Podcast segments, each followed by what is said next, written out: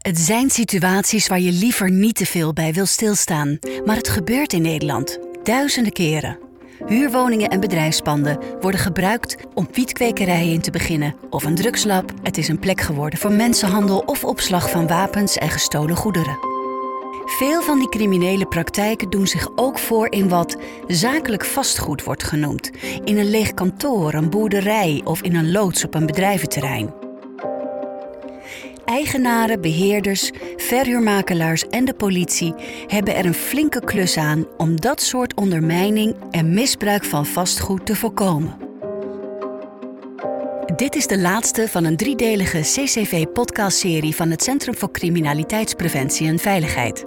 In deze serie vertellen we je over criminele verpanding, waarbij dingen gebeuren in huurpanden die het daglicht niet kunnen verdragen. Hoe kan het dat het zoveel voorkomt in Nederland? Welke maatregelen kunnen we er tegen nemen en hoe gaan we om met de gevolgen? Welkom bij deze aflevering die heet Ongure types in zakelijk vastgoed. Dat is eigenlijk één grote berg met gif bij elkaar. Dat is brandgevaarlijk, explosiegevaarlijk, maar ook chemisch gevaarlijk voor niet alleen de personen die ermee doen zijn, maar ook alle direct omwonenden. Toen ze hoorden kregen explosiegevaar, dat we zoiets hadden van alles had hij weg kunnen blazen. Dus ik hoop het ook nooit meer mee te maken. Stel, je hebt wat geld gespaard en geïnvesteerd in één of twee panden op een bedrijventerrein. Met deze extra inkomsten kun je leuke dingen doen en heb je een appeltje voor de dorst. Of misschien ben je de eigenaar van een grootschalig zakelijk vastgoed of grote nieuwbouwwoonprojecten en zijn jouw inkomsten geheel afhankelijk van de huuropbrengsten. Wat je achtergrond ook is, bij het verhuren van je eigendom, klein of groot, afgelegen of niet, zijn er zaken waar je scherp op moet zijn om niet achteraf een rekening gepresenteerd te krijgen. Het verhaal van deze podcastaflevering begint in Brabant, wanneer vastgoedmakelaar en beheerder Jacques van MVG Capital een telefoontje krijgt van een grote klant. Er komt een leuke opdracht aan. Wij hebben een, uh, van een uh, voormalig klant een, uh, een, aantal mooie verhuurbrachten mogen krijgen. Gewoon puur alleen voor de, voor de verhuring ervan. Dus niet het beheer, puur het, het vullen van, van de woningen. Het betrof allemaal nieuwbouwwoningen in Brabant. Grotere projecten. nou ja, goed, die hebben wij succesvol verhuurd namens onze klant. En later bleek, denk ik, dat er een periode van een jaar tot anderhalf jaar tussen de verhuring en uiteindelijk inval heeft gezeten, bleek dat er in vier uh, van de, ja, wat zal ik zeggen, ik denk 110, 100, 120 woningen die verhuurd zijn, uh, een, uh, een hennepkwekerij gevonden te zijn. Jacques' klanten zijn vastgoedprojectontwikkelaars, bedrijven en ook particulieren die het vinden en screenen van huurders en het beheer van hun eigendommen overlaten aan professionals als Jacques. Op een dag krijgt Jacques weer een telefoontje van die klant. Maar dit keer was het minder goed nieuws. In een van de woningen is iets helemaal verkeerd gelopen. De politie heeft een inval gedaan en een wietkwekerij gevonden. De schade aan het huis is groot en jammer genoeg volgen kort daarna meer telefoontjes. Ja, dat, was de eerste keer. Uh, natuurlijk behoorlijk geschrokken. Um, want je wil uh, ja, naar eer en geweten uh, de woning verhuren. En dan baal je er enorm van dat je bij een toen nog, ook nog redelijk nieuwe klant natuurlijk gelijk geconfronteerd wordt met een hennepkwekerij. Um, vervolgens ging er uh, twee, uh, twee weken overheen. Werden we weer gebeld door dezelfde klant. En vervolgens een weekje later uh, nog een keer. Dus ehm, ja, zo, zo zouden we van op de hoogte gebracht. Jacques is enorm geschrokken en gaat met zijn mensen meteen om tafel om alle stukken die tijdens de screening zijn verzameld te doorlopen. Hij doet dat niet alleen met de papieren en screenings van die klant, maar van al zijn klanten zouden we zelf uh, onderzoek gaan doen naar uh, de andere dossiers die lopende waren en verhuurd waren. En hebben we er zelf ook nog eentje kunnen ja, weten te achterhalen en met de politie samengewerkt om ook die woning vervolgens schoon te krijgen. John Meijerink werkt voor de politie en is operationeel specialist Oost-Nederland die zich als projectleider bezighoudt met vastgoed en crimineel vastgoedverhuur in het bijzonder.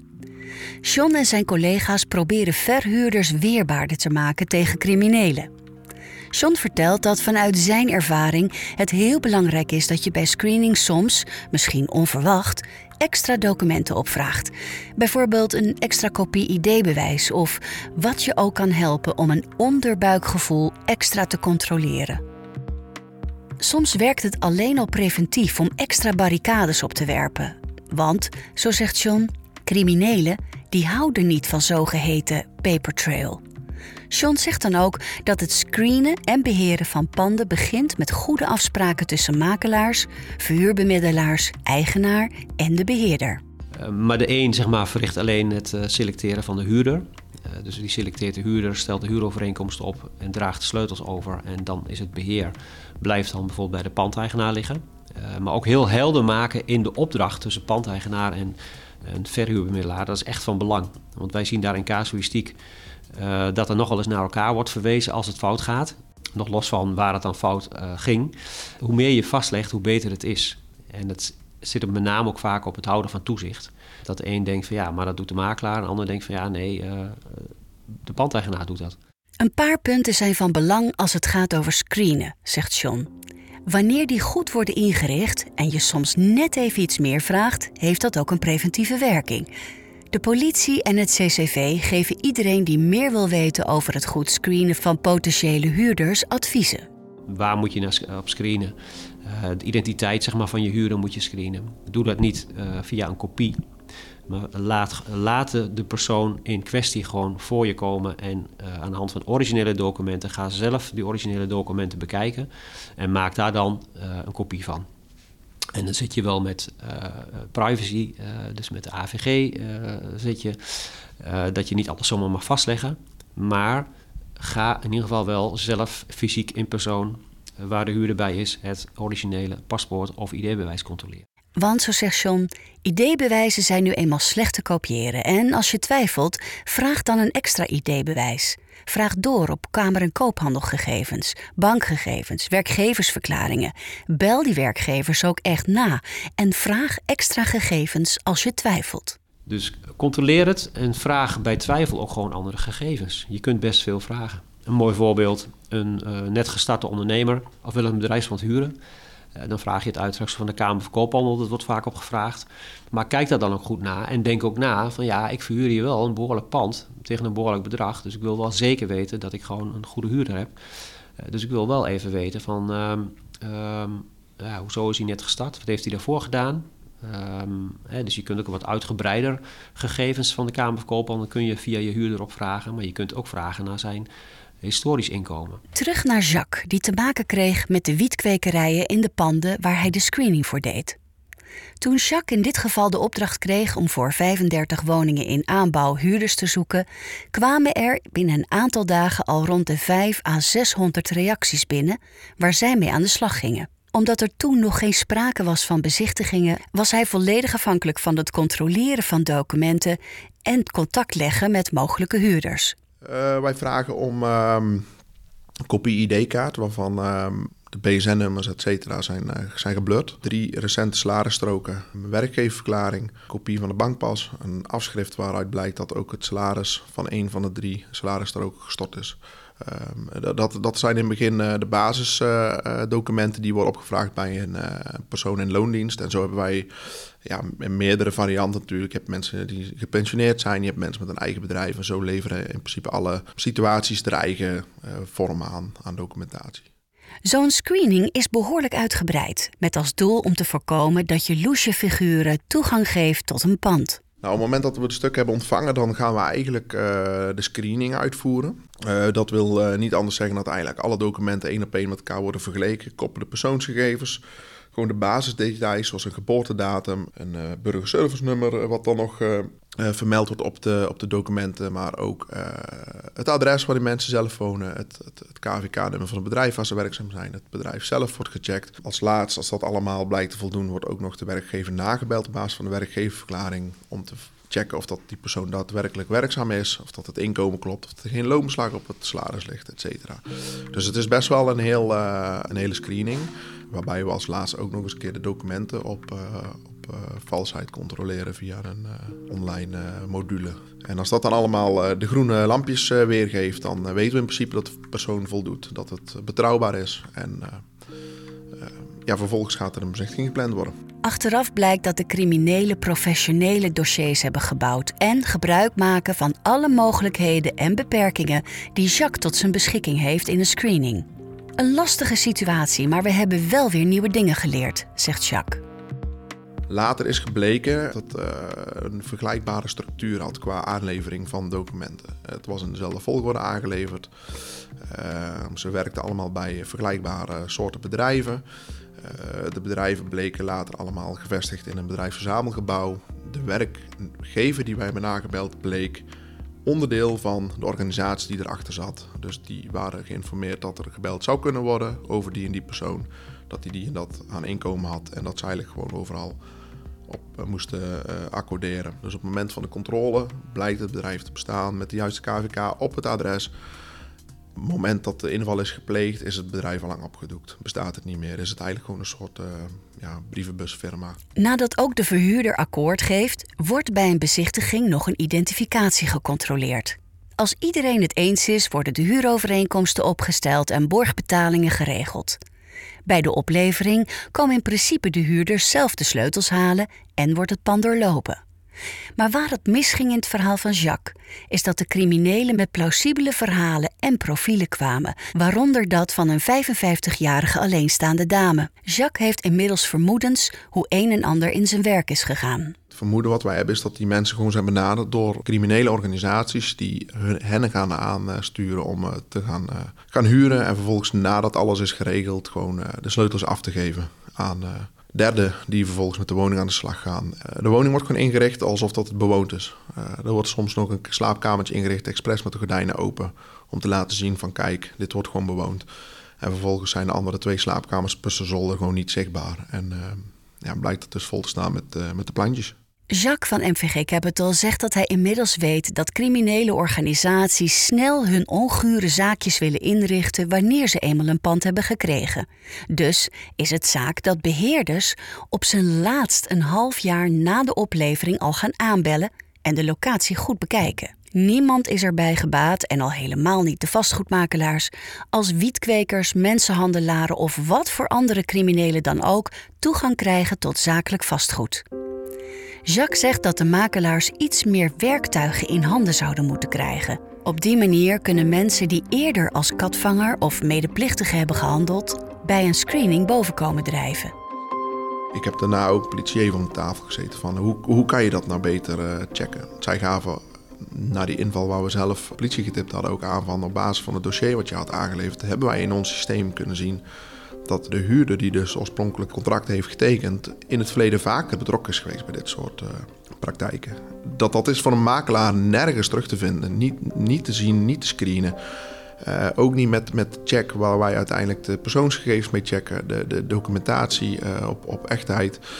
wordt ook een, een stukje fraude aangehaald. Daar staan alle seinen op groen. Ook nu nadat die personen gepakt zijn met, met hennep op hun naam. Uh, ze hebben natuurlijk uiteindelijk zelf niet hennep gezet, maar zij hebben wel uh, uh, moedwillend meegewerkt. Ook als je die personen nu checkt via dat systeem, blijven de zijn op groen staan. Het Centrum voor Criminaliteitspreventie en Veiligheid is heel actief bezig om dit soort criminaliteit tegen te gaan. Paul van der Weijden is adviseur bij het CCV en vertelt waarom dat nodig is.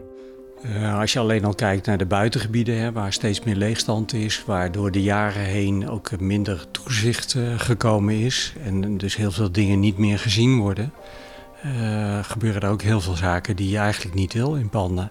En dat kunnen zowel bij boeren zijn als bij particulieren die schuren hebben. Waarbij je nou ja, alles in druk, maar ook in de, de afvalcircuits zeg maar, terug kunt vinden in dat soort schuren.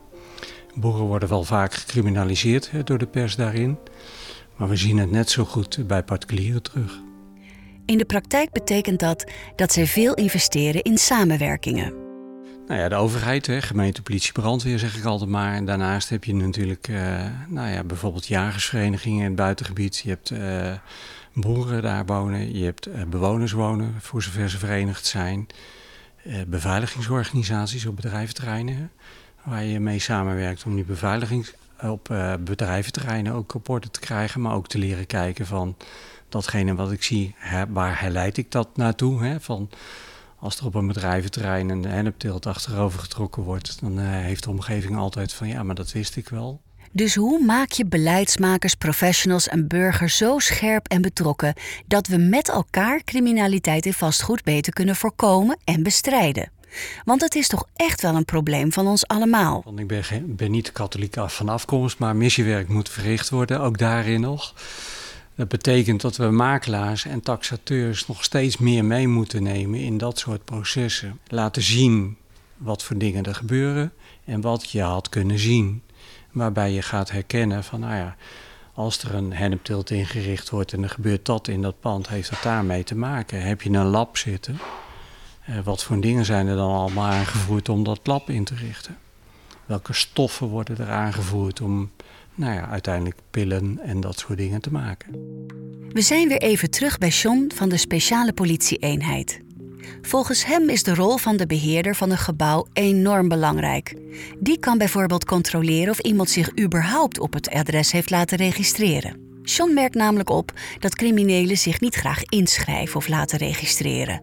Die werken bij voorkeur zoveel mogelijk onder de radar.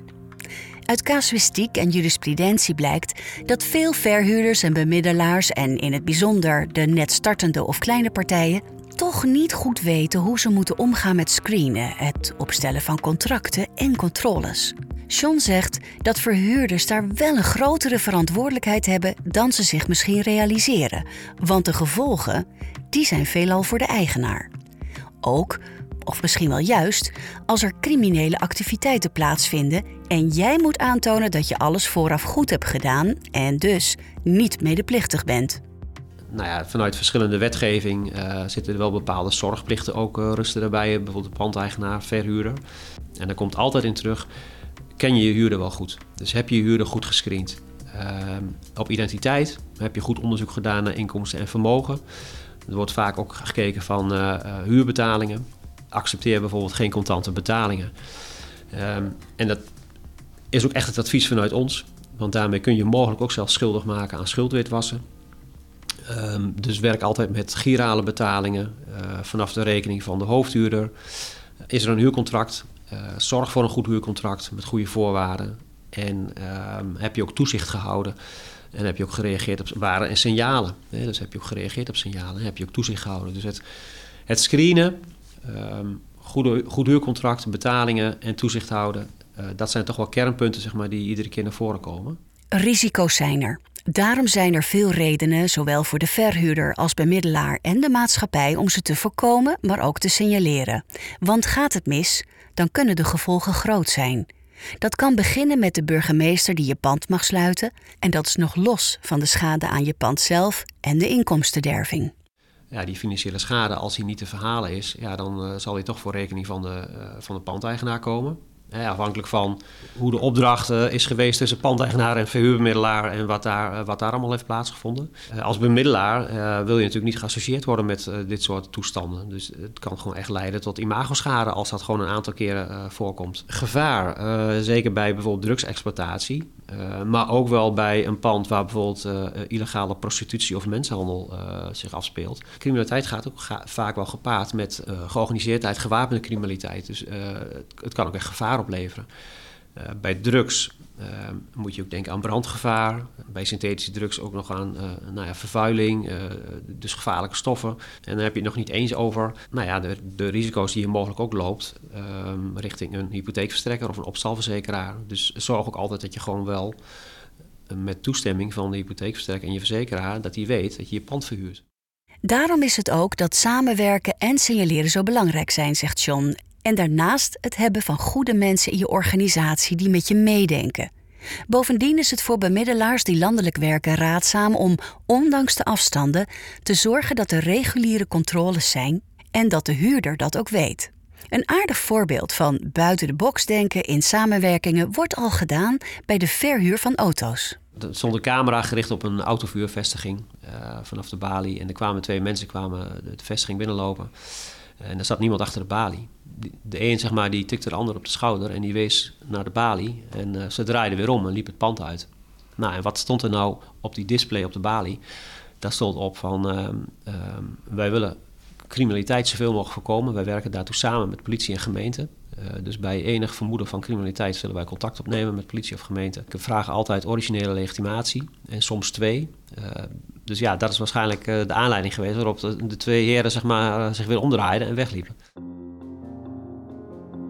We praten verder met Paul van der Weijden van het CCV. Van hem willen we weten wat nu eigenlijk de omvang is van de schade aan omgeving en milieu wanneer er sprake is van drugscriminaliteit. En wat blijkt? Het is niet eens te schatten. Het gaat om enorme bedragen van het opruimen wanneer er milieuverontreiniging of gevaren voor de volksgezondheid worden aangetroffen. En dan weten we niet eens wat er nog niet is gevonden. Nee, helaas niet. Hè. Inmiddels heb je natuurlijk met uh, zeg maar de hele chemische drugsindustrie uh, zien we dat er hier en daar putten in natuurterreinen zitten waar tankwagens vol afval ingaan. Waarbij je alle stoffen die je kunt verzinnen in ecstasy, uh, cocaïne, wasserijen en crystal meth inmiddels tegenkomt ook. Kijk je naar waterwingebieden, waar uiteindelijk uh, na zoveel jaar die instroom ook zit en uiteindelijk weer uh, zeg maar opgepompt wordt als drinkwater. Daar zitten stoffen in die er niet meer uit te halen zijn. Maar ook als je kijkt naar bijvoorbeeld als stoffen in mestputten gegaan zijn en uitgereden worden op het land, dan vind je inmiddels in bepaalde gewassen ook dat soort stoffen terug. En dan worden dat soort gewassen worden vernietigd. Paul vertelt dat de meeste verhuurders te goede trouw zijn. Soms komen verhuurders onbewust in aanraking met criminele verpanding. Maar soms wordt er ook wel bewust gekozen voor foute huurders, bijvoorbeeld bij geldproblemen. Verhuurders denken dat ze daar dan ook wel weer van af kunnen als het uit de hand loopt. Maar Paul waarschuwt hiervoor, want criminelen hebben een neus voor jouw zorgen en maken er dankbaar gebruik van. Dat ze een aanzienlijk bedrag aan huur kunnen huren, uh, buren. En op die manier zitten ze er dan al in. Nou, dan kun je zeggen van nou, ik ga dat als boer of wat voor een ondernemer dan ook doen. En dan denk je van nou, ik ben boven Jan. Uh, en dan wil je er weer uit. Maar dat gaat niet meer. De verhalen van, hè, van, ik weet waar je vrouw werkt, waar je kinderen op school zitten, komen we regelmatig tegen. Helaas melden dit soort mensen dat vaak niet bij de politie, hè, waardoor je dat in het politiesysteem ook niet tegenkomt.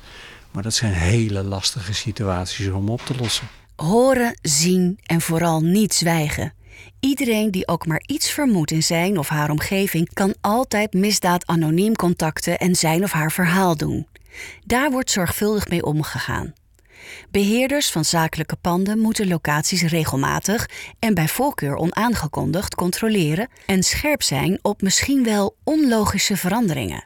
Hoe ze worden ontvangen en aanpassingen die zouden zijn gedaan aan de inrichting of zaken die niet echt rijmen met waar het pand op papier voor wordt gehuurd.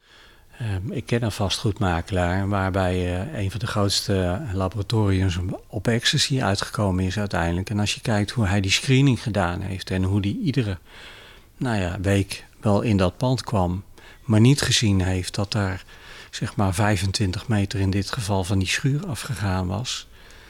En ze vingen hem op als die kwam, hè, want er hingen allemaal camera's die hij niet gezien had, omdat het echt wel minuscule cameraatjes waren. Als hij beter gekeken had, had hij het wel kunnen zien. Maar op die manier werd hij iedere keer opgevangen, naar een kantoortje geleid, een bak koffie drinken, een praatje pot, maar wel dat laboratorium erin. Maar hoe zit dat nou precies met de wet op de privacy binnen de vastgoedverhuur? John krijgt nog wel eens de vraag vanuit de branchevereniging of verhuurmakelaar of bemiddelaar of zij niet iets meer handvaten kunnen krijgen om bijvoorbeeld zelf de BRP-gegevens te checken bij de gemeente. Of dat er misschien een soort zwarte lijst kan komen die hen helpt bij de screening. Hij vindt dat goede vragen die ruimte geven om te onderzoeken met overheid en gemeente. Want als het gaat om het mogen opvragen en kopiëren van iemands identiteitsbewijs rond het aankopen van vastgoed, dan hebben banken, verzekeraars, notarissen het recht om dat te doen. Maar gaat het om huren van vastgoed, dan is dat beperkt. Je mag vragen om een idee, je mag het controleren, maar je mag het niet vastleggen zonder restricties. En ook het controleren van BRP-informatie kan niet zomaar. Sean benadrukt dat de verhuurder vooral creatief is en aanpak moet blijven en goed in contact blijft met de huurder. En, zo zegt hij, stel eenduidige regels op die je voor iedereen hanteert en durf misschien ook maar meer te vragen dan nodig is. Stel je hebt ergens een vermoeden, blijf er niet meer zitten. Dus ga vooral ook op zoek naar uh, kennis en ondersteuning. En dat kan zijn bij een con-collega of bij een collega, maar dat kan ook zijn bij een wijkagent. Of uh, zoek in ieder geval ondersteuning. En denk niet van nou, het zal wel. Uh, want vaak klopt het wel. Het is natuurlijk vaak gewoon het onderbuikgevoel, maar Blijf er niet mee lopen. Ga inderdaad uh, kennis zoeken en ondersteuning zoeken. Dat is eigenlijk wel het belangrijkste. Paul van het CCV raadt iedereen aan die wil weten waarop ze moeten letten. Houd je aan de privacywetgeving, maar kom vooral met je vragen en ervaringen bij de politie of het CCV.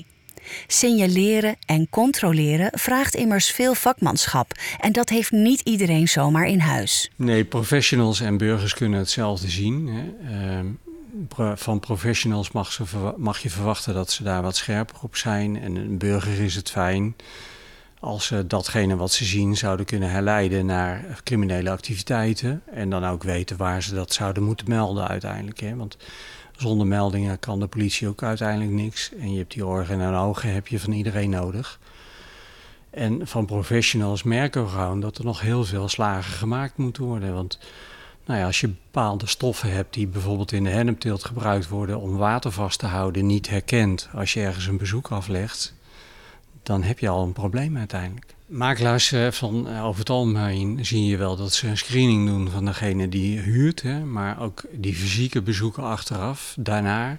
Dat is echt wel belangrijk om te kijken van, nou, ik ben een poosje niet in een pand geweest. Zijn er zaken veranderd in dat pand? Hè? Is er bijvoorbeeld een ruimte ingericht die je nu niet meer ziet? Hè? Dat kan aan de achterkant van het pand zijn waar 20 vierkante meter uh, afgescheiden is. Maar of het lijkt of dat het nog steeds de eindmuur is, waar dan opeens een hennepteelt in zit. Of dat er grond uitgegraven is onder de grond, het zij bij dat pand of bij de buren, waar uiteindelijk ook een hennepteelt in zou kunnen komen. En doordat je fysiek blijft komen in dat soort panden, uh, bouw je een relatie op met degene die uh, daar zit. Leer je ook afwijkingen herkennen. Maar kan het ook zijn dat je, nou ja, pallets ziet met stoffen waarvan je denkt, ja, als er opeens een autobedrijf zit waaraan je verhuurt en er staan opeens allemaal pallets met potgrond. Wat is dat voor een rare combinatie?